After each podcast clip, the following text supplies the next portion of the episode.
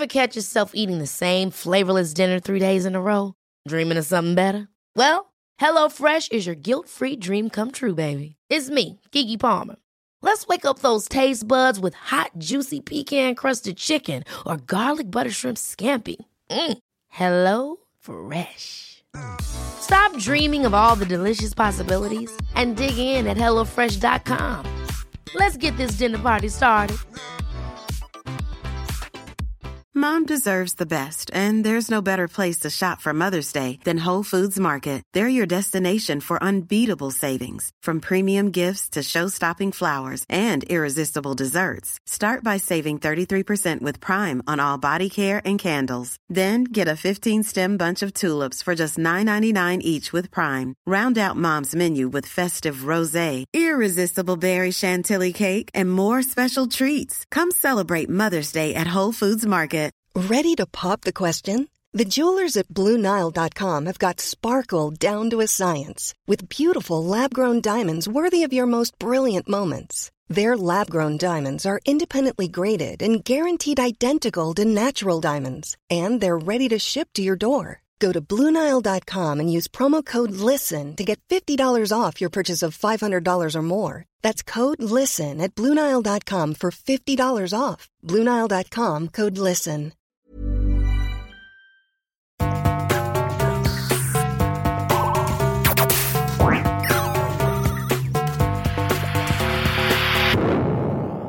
Heter Sondre Risholm Livre. Jeg er psykolog, og dette er Webpsykologens podkast. Hverdagspsykologi for eh, fagfolk og folk flest.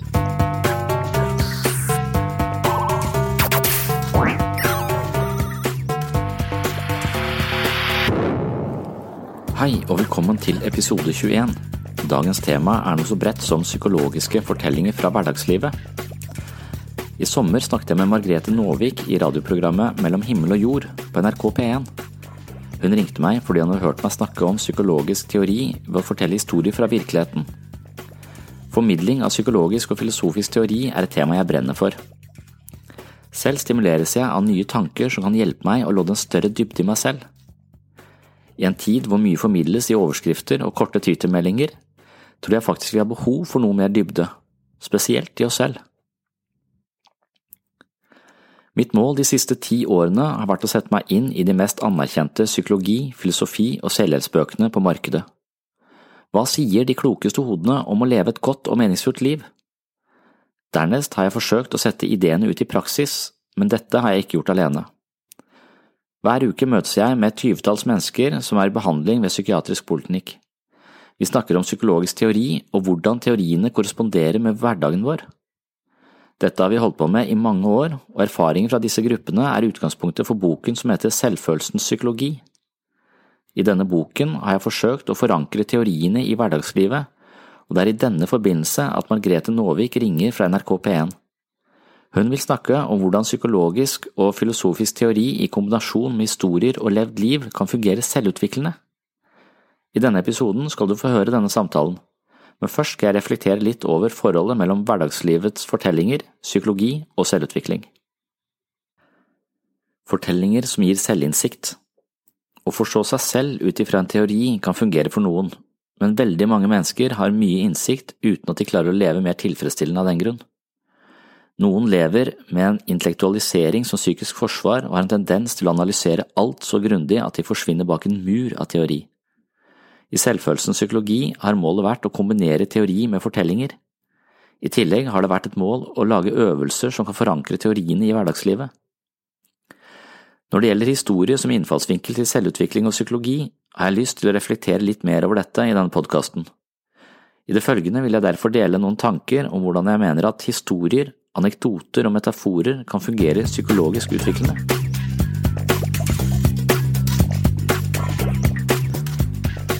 Da jeg var i gruppeterapi I 2004 gikk jeg i gruppepsykoterapi. Det inngikk som del av min utdannelse. Vi var åtte studenter som skulle jobbe med oss selv gjennom et helt år. Gruppen ble ledet av en erfaren terapeut av det tause slaget. I løpet av hele året sa han nesten ingenting til meg. Jeg snakka mye, men fikk lite respons fra terapeuten. Det var frustrerende. Siden han sa så lite, husker jeg imidlertid ordrett det han sa. En av de siste sesjonene husker jeg at han avbrøt meg. Han lette seg frem på stolen, trakk pusten dypt og sa følgende med ganske høy stemme. Du er redd for å vinne over faren din. Den setningen har jeg tenkt mye på. I siste time spurte jeg hva han mente med dette, men han ville ikke svare. Siden jeg aldri fikk vite hva terapeuten egentlig mente, har jeg tenkt på det han sa i flere år. Denne setningen har vært med meg siden 2004, og jeg kan fortsatt gjenkalle tonefallet i stemmen hans. I senere tid har jeg tenkt at terapeuten så en usikker gutt. Han så en ung mann som strevde med å være selvstendig og uavhengig. Å vinne over sin far ble et symbol på å bli voksen. For meg handlet det om å ta ansvar for eget liv, gjøre ting for meg selv og ikke for å høste anerkjennelse fra mine foreldre. Denne metaforen var veldig viktig for meg i studietiden. Overgangen fra livet som student til rollen som ferdigutdannet psykolog var strevsom. Mine foreldre har alltid støttet og hjulpet meg, men nå var jeg klar for arbeidslivet, og jeg kunne ikke lenger lene meg på foreldre som var eh, sterkere enn meg selv. Sannsynligvis var jeg ganske redd for denne overgangen, og jeg tror at terapeuten plukket opp. Effekten av å gi folk tilbakemeldinger som ikke har til hensikt å forklare alt, men gi personen noe å tenke over, kan ofte være svært selvutviklende. Å jobbe med seg selv handler ikke om å gå til en guru som forteller deg hvem du er. Det handler mer om å pekes i nye retninger, få hjelp til å dyttes ut av sine vante perspektiver, stimuleres til å tenke litt annerledes og anspores til å gå litt dypere i seg selv. Stemmen til min tause terapeut har vært med meg i 13 år, og det har vist meg at egenutvikling ikke alltid er noe som skjer i plutselige åpenbaringer, men snarere opererer som en langsom modningsprosess. Terapeuten plantet et frø i meg og dette frøet har vokst på en måte som har gjort meg sterkere og tryggere på meg selv. Det tvang meg til å finne ut av konflikten på egen hånd, og det var nettopp denne prosessen jeg var nødt til å gjennomgå som ung og usikker student. I rollen som terapeut har jeg tatt med meg dette. I terapi sier jeg av og til ting som jeg ikke er eh, ferdig forstått av meg selv, men som jeg fornemmer kan fungere som et uh, frø. Historiefortelleren Milton Eriksen Tilbakemeldinger som krever mye ettertanke, kan av og til være mer effektive enn entydige forklaringer. I den psykologiske litteraturen er det flere som har skrevet om dette, men for meg er det spesielt én terapeut som har vært inspirerende på dette området. Jeg vil avslutte denne innledningen med en anekdote jeg plukket opp i boken My Voice Will Go With You av Milton Eriksen.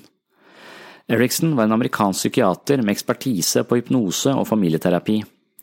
Hans kliniske praksis var kjent fordi hans viktigste terapeutiske verktøy var små historier Istedenfor å fortelle pasienten, pasientene sine hva han mente var galt, og deretter fortelle dem hva de burde gjøre, fortalte han små anekdoter som gjerne inneholdt et overraskende element og en dypere mening. Målet var at pasienten skulle få en slags aha-opplevelse. Historiene var ofte fra Eriksens eget liv eller fra tidligere pasienter, og de var eh, spesialdesignet for å gi mennesker et lite mentalt sjokk. Det vil si at de hadde et poeng som ofte hjalp mennesker ut av sine vante mentale mønstre og åpnet for nye perspektiver. Poengene var ikke alltid like åpenbare, men krevde ettertanke og refleksjon.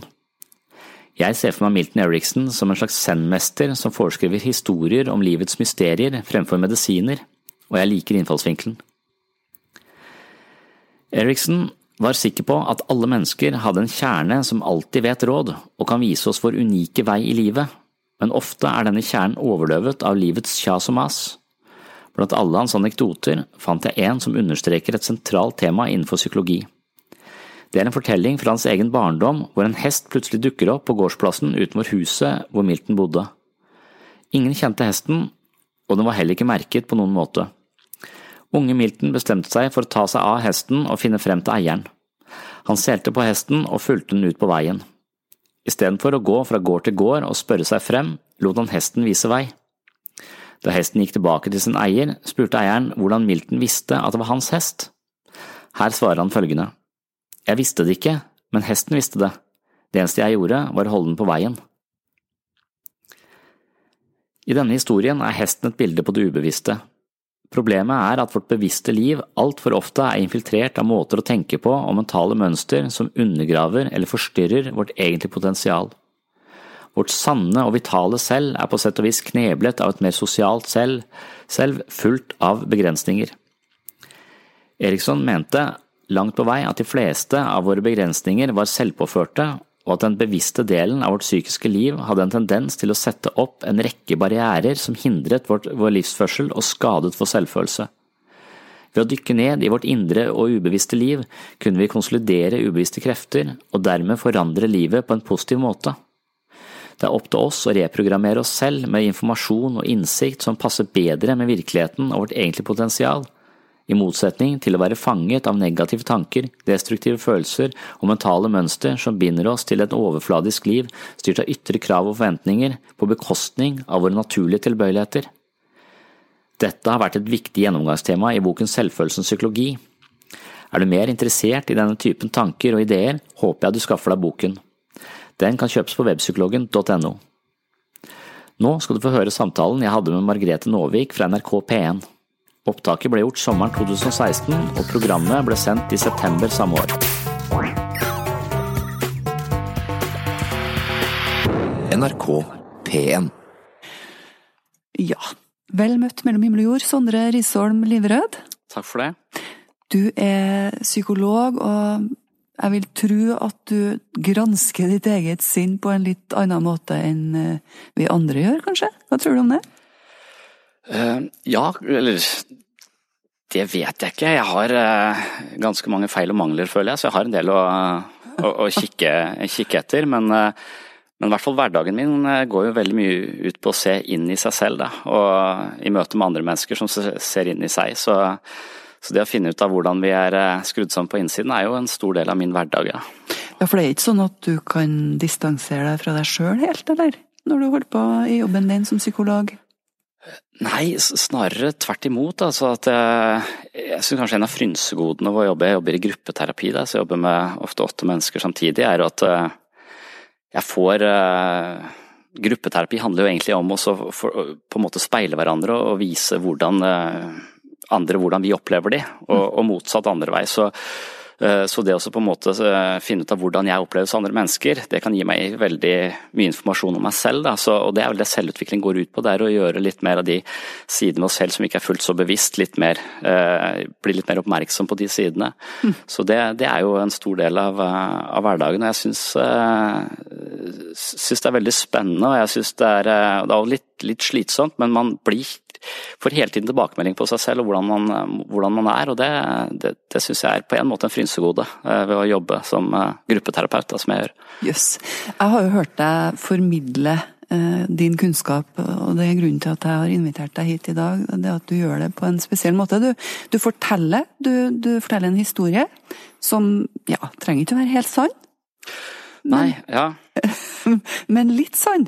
Ja, ja. Det er sånne ting jeg har vært opptatt av av lenge, er også å formidle psykologifag da, på en litt sånn anvendelig måte. Mm. Og når du jobber med menneskeverd, så får du egentlig mange historier, da, men, eh, og jeg har mange historier om meg selv, så, men, eh, men noen kan jo være litt sensitivt, så, så, dermed så gjør jeg de litt om. Da. Så jeg konstruerer historier som på en måte er sanne, men de er ikke sånn helt faktisk sanne. Da. Alt det jeg forteller har ikke nødvendigvis hendt, men, men der ideene i historiene er ganske generelle da, og, og mm. viktige for mennesker, tror jeg. Mm.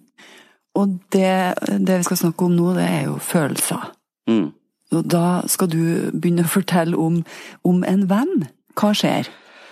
Eh, ja, eller Følelser er jo eh, en, en, av de tingene jeg snakker mye om, er det som kalles psykisk forsvar. Da. At, eh, at psyken vår har et slags immunforsvar som forsvarer oss mot sterke følelser. Altså Kroppen har et immunforsvar som eh, beskytter oss mot virus og bakterier. Og, men psyken har litt et sånn tilsvarende forsvar som beskytter oss mot veldig sterke følelser, som ligger kanskje over terskelverdien for det vi orker å ta inn over oss.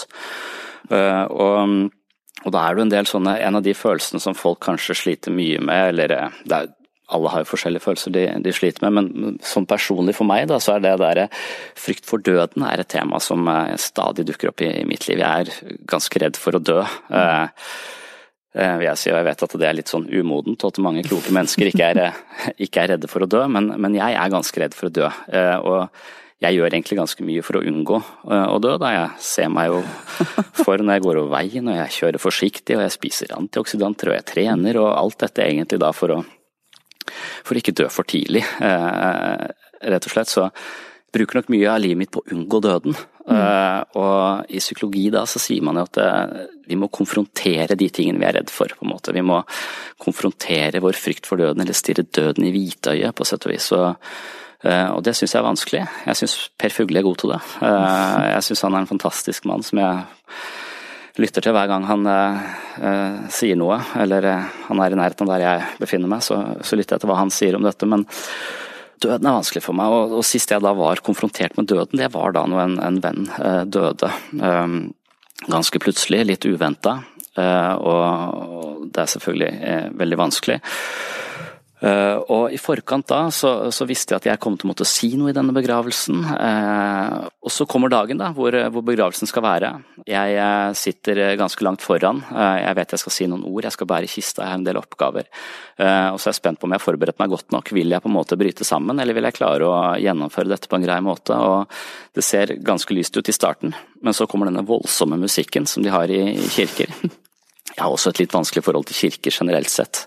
Men men nå, nå, sitter jeg der og tenker ok, det går greit, men så kommer den voldsomme musikken, og så, og så, merker jeg at det begynner å vibrere i leppa. Syns det er litt flaut å begynne å gråte. Så det jeg gjør da, er at jeg prøver å tenke på noe annet. Jeg prøver å på en måte fortrenge følelsen litt, og prøver å tenke på noe som er mer nøytralt da, enn det, det som er rett, rett, foran meg. Og det fungerer kanskje i ca. 30 sekunder. Eh, og så ryker den strategien også. Og, og, Da er det dette mer ubevisste psykiske forsvaret kommer inn og, og, hjelper meg. For at jeg skal klare meg gjennom denne situasjonen uten å overveldes av følelser, så får jeg hjelp av mitt psykiske forsvar, som da på en måte setter en slags parentes rundt følelsene mine. Eh, sånn at jeg klarer å fungere i tankene. Jeg klarer å si det jeg skal og hilse på mennesker og uh, på en måte gjøre alle de oppgavene jeg, jeg hadde der, uten å overveldes av, av de følelsene. Så, så, dette psykiske forsvaret, det, det, vil da tre inn. Også, men da sitter jeg også litt der og tenkte jøss, hva er du for en kynisk fyr som ikke føler noe som helst i din venns begravelse? For det er litt den følelsen jeg får da, at jeg liksom plutselig ikke kjenner så mange følelser. Mm. Men da er det dette forsvaret som sannsynligvis da har på en måte fortrengt følelsen litt midlertidig, eh, forhåpentligvis da. For, for, jeg gjennomfører begravelsen ganske greit. Det, det, går, det, går, fint, jeg får sagt det jeg skal osv. Men det springende punktet her, og det som kanskje er viktig innenfor uh, mye psykologisk tenkning, er uh, hva nå? Hva etter begravelsen? Uh, og, og denne, en del av den psykologien som vi opererer med, den tenker jo at våre tidligere erfaringer, eller hvordan vi har vokst opp og hvordan vi måte, hvilket miljø vi har vokst opp i osv., det spiller en rolle på hvordan vi håndterer følelser i dag, i, vår, i voksen alder på sett og vis. Mm. Så spørsmålet nå er jo hva slags miljø har jeg vokst opp i, hva slags familie kommer jeg fra? Kommer jeg fra en familie som er vant til å snakke om følelser, som tåler følelser, som har et uttrykk for følelser og kan snakke sammen om dette? Eller kommer jeg fra en familie som tenker at off, følelser det blir mye for oss, det skaper masse bølger på dette sosiale eller mellommenneskelige havet så de kan vi helst ha for oss selv, eller feie de under teppet, og så kan vi late som om dette gikk greit, nå kan vi bare gå videre og glemme dette. Eh, så, så her kommer folk fra forskjellige typer miljøer og familier og forskjellig da, kultur på hvordan de uttrykker og snakker om følelser. Og en del, eh, For oss mennesker så kan det være litt vanskelig å snakke om og uttrykke sterke følelser, så en del miljøer har jo da en tendens til å bare unngå følelsene, rett og slett. Og Hvis jeg da kommer fra en sånn familie, som er en hypotese i denne eh, historien, så vil det være sånn at det, i det eh, eh Idet vi da kommer hjem, så sier vi fint, nå er begravelsen over, livet går videre, og, og, vi snakker ikke noe mer om det. Og Det kan fungere ganske greit en periode, men det som da skjer er at når jeg sykler til jobb, eh, for det prøver jeg å gjøre, jeg er liksom miljøbevisst, eh, sånn så jeg prøver å sykle, sykle til jobb. Så bor jeg på et sted som heter Gimlekollen, og da er det en sånn ganske bratt nedoverbakke til jeg kommer i, ned ved bånn, eh, og da kommer en slak oppoverbakke. Og på høyre side der så ligger Oddernes kirke. Det er da min venn jeg var i begravelse da forrige, forrige uke.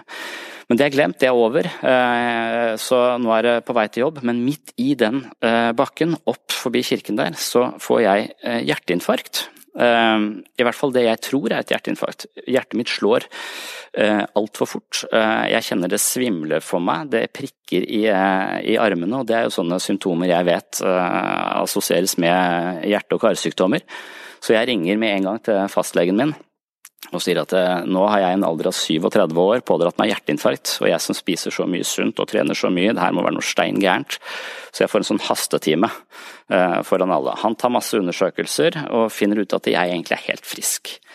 Det syns jeg er godt å høre, men jeg syns det er litt merkelig at jeg hadde da et hjerteinfarkt som han på en måte ikke kan se noe tegn til, da. Eh, så jeg slår meg til ro med det, men, men dagen etter så skjer det samme. Jeg kommer ned eh, i bunnen av bakken, opp denne slake oppover bakken, så kommer et nytt uh, anfall. Uh, og jeg må gå sykkelen, jeg skjelver, uh, jeg har problemer med å puste. Og da når jeg tenker at dette er jo ikke hjerteinfarkt, så tenker jeg det er kreft, tenker jeg da. For det er det jeg egentlig er mest redd for. Og hver gang jeg googler mine egne symptomer, så får jeg kreft. Jeg hadde litt vondt i halsen på morgenen i dag, så da fikk jeg strupekreft. Sånn i, i nitida cirka. Så da så, så, da går jeg til fastlegen min igjen, hastetime selvfølgelig, eh, og, og beklager meg over de symptomene jeg da har, eh, har, hatt. Han tar meg på alvor da og undersøker meg, finner ingen tegn til, til at jeg har kreft heller. Så da, da, fortsetter det sånn, men hver gang jeg kommer ned denne bakken her, så skjer det samme, og jeg ringer til fastlegen, og til slutt så sier fastlegen at hvis jeg tror du skal snakke med en som heter Ingvar Wilhelmsen, som jobber på Vestlandet, sier han. Han driver en sånn klinikk i Bergen som behandler hypokondere. Da blir jeg litt krenka, litt fornærma, sier at jeg vet akkurat hvem han Ingvar Wilhelmsen er, han har jeg truffet flere ganger, og han syns jeg er litt frekk, og jeg syns ikke han tar pasientene sine på alvor. Så uh, det vil jeg ikke ha nå, så da skifter jeg fastlege. Uh, og det er jo mulig fire ganger i året, uh, så, så, det er egentlig ikke noe problem. Men etter hvert som du sliter ut fastlegen din på den måten der, da, så, jeg, så bestemmer jeg meg for å ta saken i egne hender. Og det betyr at når jeg kommer ned i bunnen av denne bakken, og skal til på denne slake oppoverbakken, så sykler jeg en omvei. Jeg sykler via Start stadion, og så opp rundingen ned Kristiansand sentrum, for så å sykle opp til Solvang hvor jeg jobber. Og da bruker jeg ca. en halv time lenger eh, til jobb, og en halv time lenger hjem fra jobb. Uh, og det tenker jeg det er litt ubeleilig, for jeg har jo barn, jeg skal hente i barnehagen, det er mye styr uh, med middagsmat osv. Men, men en halv time til og fra jobb, det setter jeg på en måte på kvota for trening, og tenker da lever jeg sikkert litt, uh, litt lenger. Neste problem som da dukker opp, er at det, viser seg at jeg får dette hjerteinfarktet eller denne, disse symptomene hver gang jeg ser en kirke. Og Da dukker opp en ny kirke på toppen av Marviksbakken, så da må jeg gå av sykkelen, løfte sykkelen langs stranda et stykke, for så på en måte jobbe meg opp av ei bru, for så sykle til jobb. Da bruker jeg Det tar en halvtime ekstra. Så ofte så er dette på en måte angstens vesen. Den, det på en måte det er, eh, uten at jeg egentlig vet det, så er det disse uh, kirkene som trigger min frykt for døden, kanskje. Min sorg etter min venn som er uh, gått bort. Følelser som forstyrrer meg, følelser som ligger over terskelverdien fordi jeg orker å ta inn over meg, og så prøver jeg å unngå de. Og jo mer vi prøver å unngå de, jo mer vi prøver å sno oss unna i, i livet vårt, jo mindre fleksible blir vi. Til slutt så risikerer jeg å sitte bare hjemme da, og ikke komme meg si, noen vei. Mm. Så, eh. så, de her omveiene, det blir liksom eh, omveier rundt følelsene, det da? Mm. Ja. Og det er nok ofte sånn, eh, sånn vi opererer, altså at vi har en tanke Eller vi er orientert litt vekk fra smerte og mot velbehag. Så sterke og ubehagelige følelser har vi en tendens til å snu ryggen til, og de kommer til å tuppe oss bak på et eller annet tidspunkt. og for meg så er døden dette temaet da, som på en måte kunne forfulgt meg på denne, på denne måten. her. Sånn. Og det hjelper på en måte ikke å unngå kirker, men jeg må konfrontere min egen indre opplevelse av død, eller mitt forhold til døden, eller mitt forhold til å miste en venn. Sorg, sterke følelser, rett og slett. Sondre, eh, hva skjer når vi ikke tar hensyn til det vi føler? Ja, det er noen som mener at eh, evnen til å tåle, forstå og uttrykke følelsene sine er et sånt kjennetegn på psykisk sunnhet. Mm. Uh, og idet vi, vi på en måte forsømmer uh, vårt indre liv, så hender det vel at resultatet er en, et eller annet symptom, altså. Uh, et sånn kroppslig symptom? Ja, enten et kroppslig symptom, eller angst, depresjon, Mm. Eh, et eller annet eh, tegn på at bevisstheten vår da er i ulage. Eh, at det er vesentlig informasjon vi ikke har tatt innover oss. Mm. Men hvis den først har lagt seg til denne teknikken da, som du snakka om før musikken, å sykle omveier rundt kirkene eller følelsene, er det ikke veldig vanskelig å liksom begynne å ta tak i det? Jo, det, det, kan uh, være det, og det er kanskje det jeg ser på som psykologiens oppgave, er vel ofte å uh, sette språk på det som foreløpig ikke har noe språk. Da. Uh, de, de, fornemmelsene og følelsene vi har i oss selv som vi ikke klarer å løfte opp og, og forstå, de vil ofte bare plage oss i kroppen som et symptom. Mm. Jeg vet ikke om jeg kan mitt tydeligste eksempel på hvordan på måte det å få mer språk og innsikt i meg selv på en måte har, har hjulpet meg, er eh, en episode jeg hadde eh, for ganske mange år siden nå, eh, med med dattera mi, og jeg skulle være hjemme i pappaperm. Da, første, hun er den førstefødt, og jeg var usikker. Jeg var egentlig litt redd for å være hjemme alene med henne. Men, men så kommer denne pappapermperioden min, og da sier kona mi at vet du hva, hun elsker å være på babysang, sier hun.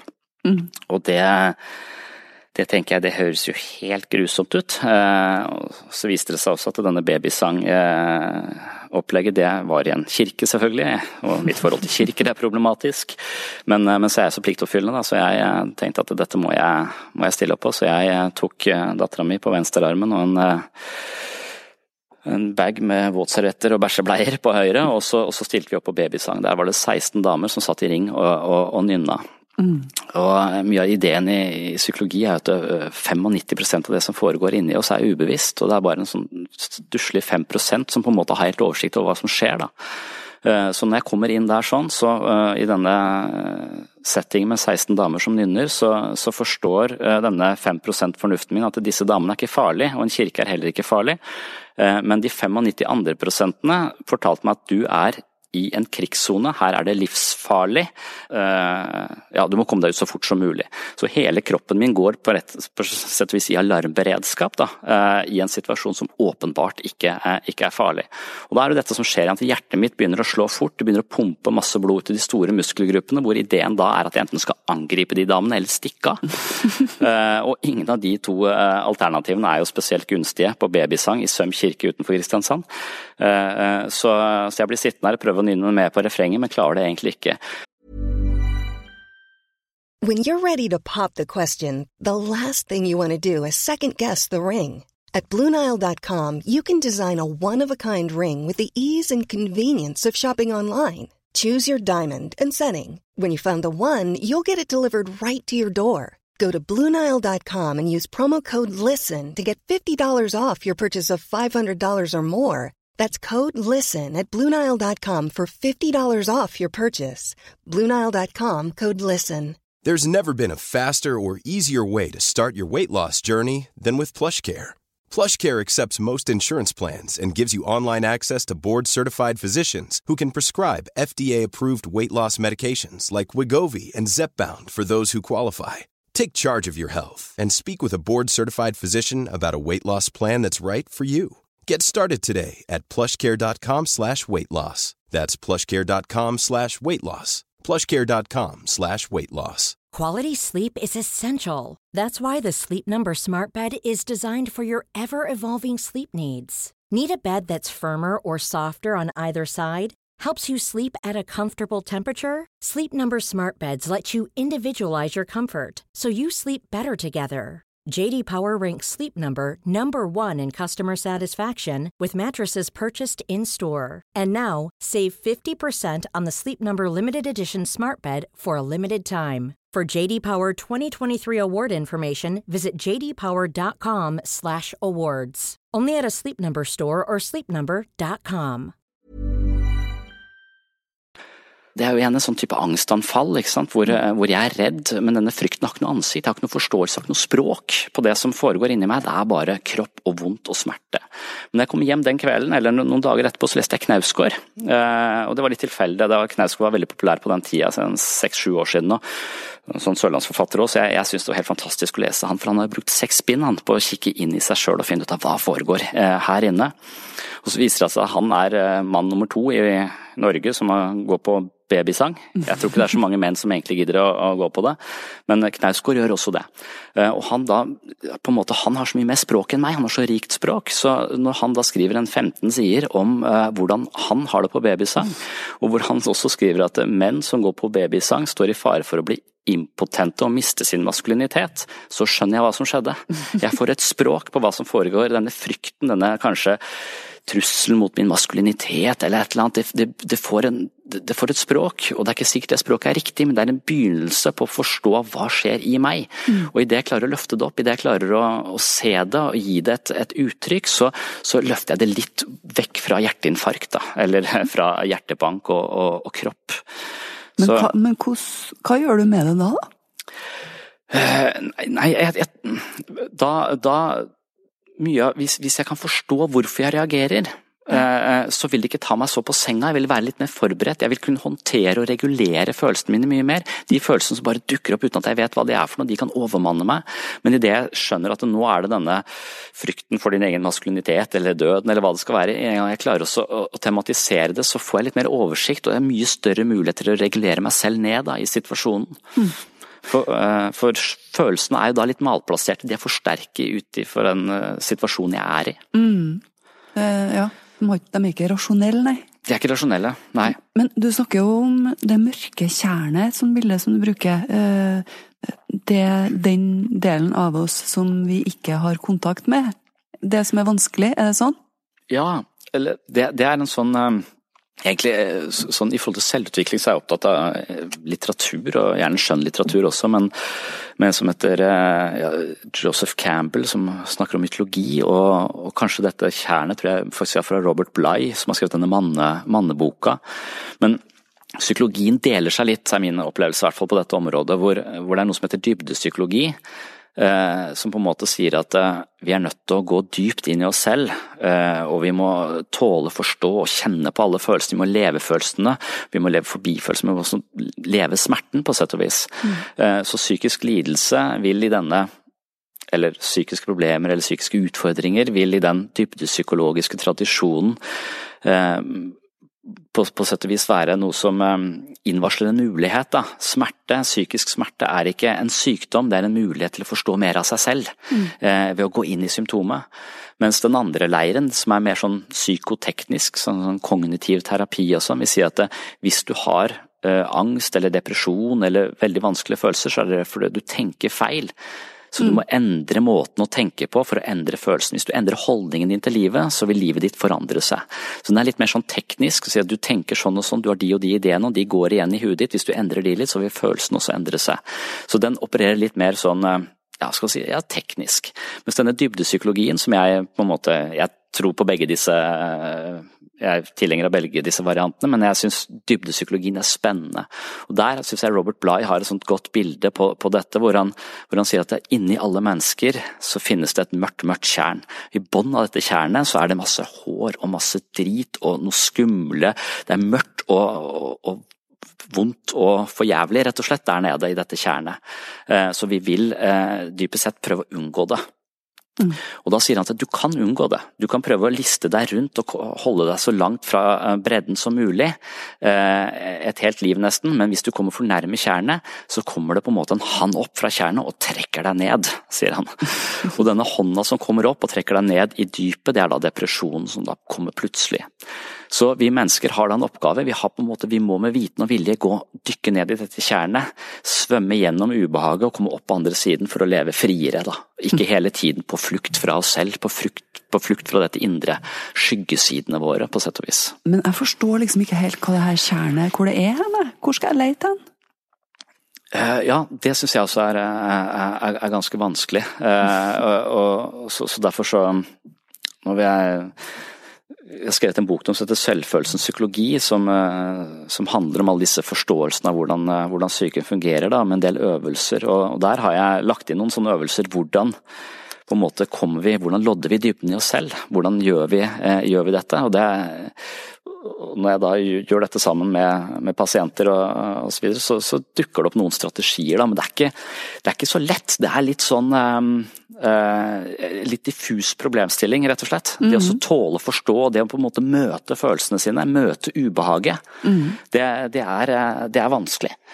Og, og, jeg tror nok kanskje vi lever i en tid også som, som ja, Per Fugle vil kalle det nullvisjon, kanskje. Men dette, vi er på en måte skrudd sammen litt sånn at vi, vi vil helst unngå smerte.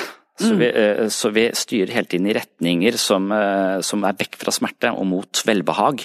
Eh, og, og, og, dermed så, og når vi gjør dette med psykisk smerte, når vi kjenner et ubehag inni oss, et eller annet som er vondt og vanskelig, hvis vi ikke da tar dette på alvor, prøver å forstå hva er det dette symptomet forteller meg, hva er det med måten jeg lever på, hva er det, hva er det med, med, livet mitt nå som, som kommer som et signal her innefra i form av et symptom.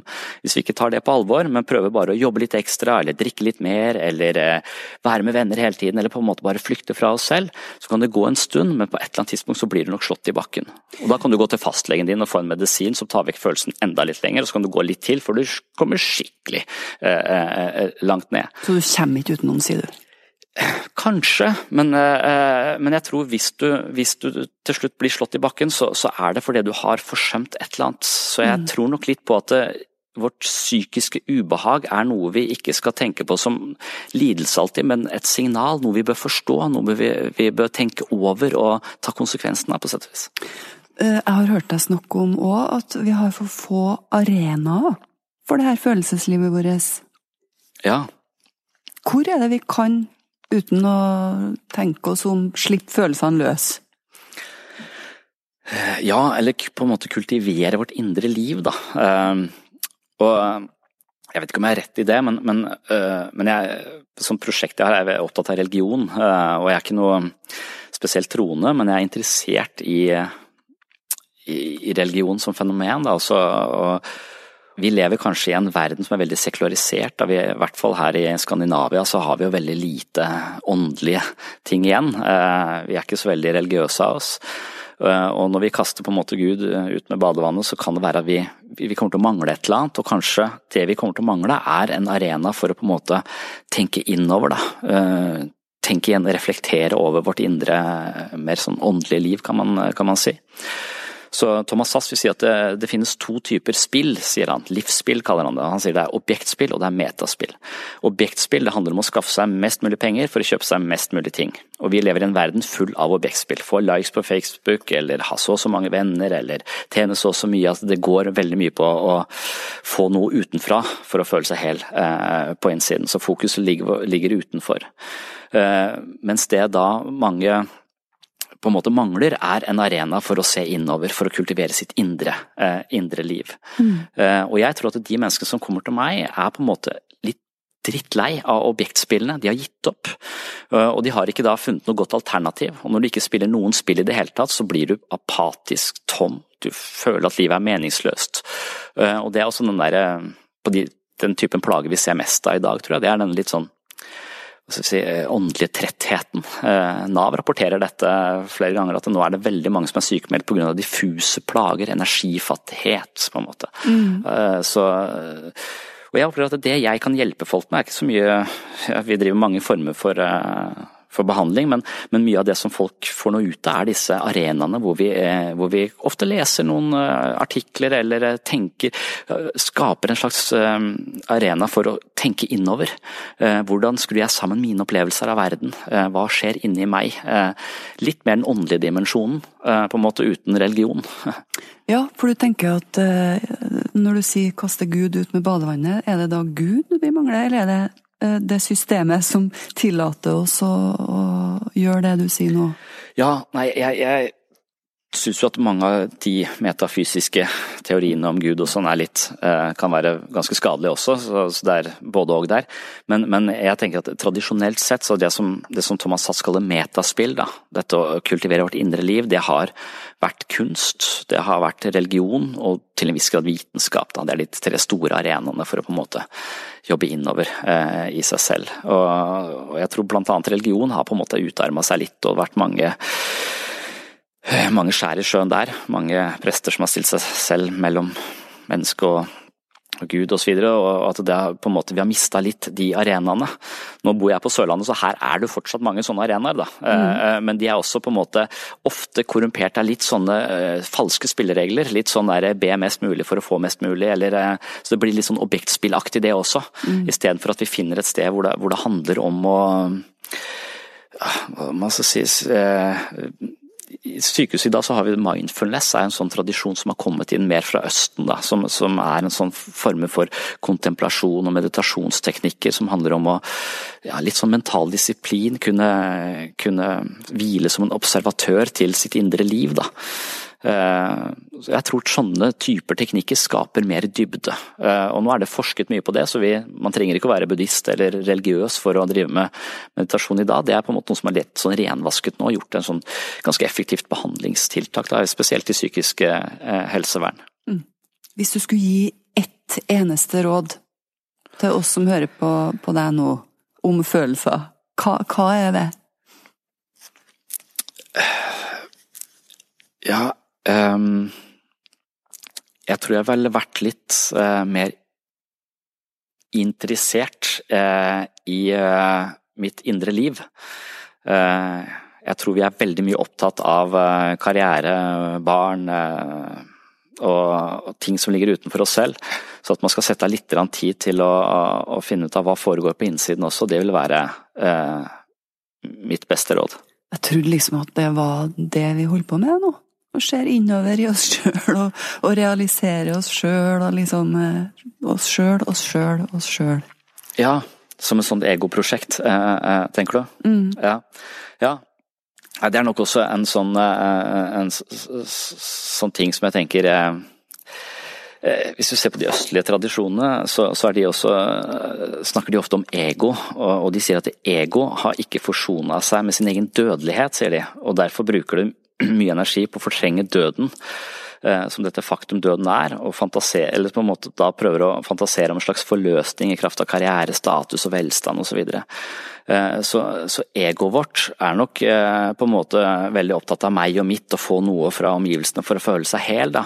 Og mye av denne New Age-aktige selvutviklingen handler nettopp om en sånn forherligelse av meg og, og, og mitt, men en viktig del av det å utvikle seg eh, i forhold til disse hva skal si, De religiøse tradisjonene også handler jo mye mer om å tenke på andre og mindre på seg selv. Mm. Det å følge en større visjon, det å ha en større mening, det å på en måte bry seg genuint om andre mennesker, altså medfølelse. Eh, dyrke medfølelse og prøve å ja, komme seg litt unna dette på en måte trange ego som hele tiden kjemper om likes eller blir sett og alt dette her. Det er den kampen, da. Så det er nok dette ego som, eh, som, på en måte er roten til veldig mye av vår psykiske smerte. Og det å gi denne ego litt mindre makt, det handler kanskje om å avsløre det litt og se hva er det dette ego egentlig driver med eh, mm. når det kjører meg rundt i, i, i, livet her. Så med det å se innover, så mener du altså å avsløre seg sjøl litt, da? Ja. ja avsløre egots eh, kamp om å føle seg god nok, på en måte. Mm. Det er vel det alle de store tradisjonene har sagt, at mennesker er grunnleggende sett god nok fordi du er et menneske, på en måte. Så hvis alle hadde skjønt at jeg er god nok og ikke trenger alt dette andre som ego lurer oss til å tro, bare du får det, bare du kommer deg dit, bare du får, eh, får gitt ut det og det, eller får gjort det og det, så skal det bli bra. Sånn jages vi ofte gjennom en helt liv, da, på jakt etter tilfredsstillelse.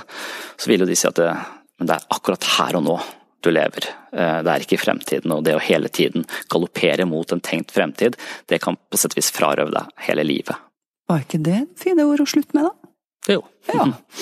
Sondre Risholm Liverød, tusen takk for, eh, for, det tipset, og takk for besøket. Jo, takk for eh, invitasjonen. NRK P1 Takk for at du hørte på Webpsykologens podkast. Jeg nevner igjen at Selvfølelsens psykologi kan kjøpes på webpsykologen.no. Det er en bok som er skrevet i samme takt og tone som denne podkasten. Ellers håper jeg at du henger med i neste episode som skal handle om følelser og fortrengning av følelser. På gjenhør!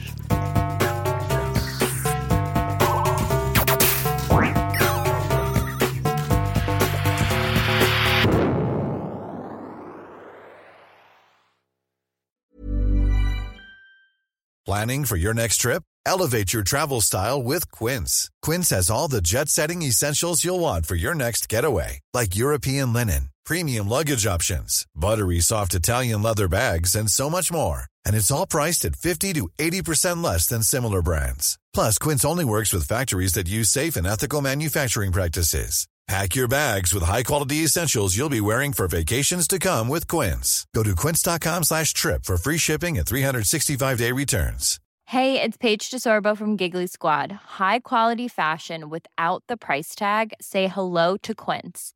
I'm snagging high-end essentials like cozy cashmere sweaters, sleek leather jackets, fine jewelry, and so much more. With Quince being 50 to 80% less than similar brands and they partner with factories that prioritize safe ethical and responsible manufacturing. I love that. Luxury quality within reach. Go to quince.com slash style to get free shipping and 365 day returns on your next order.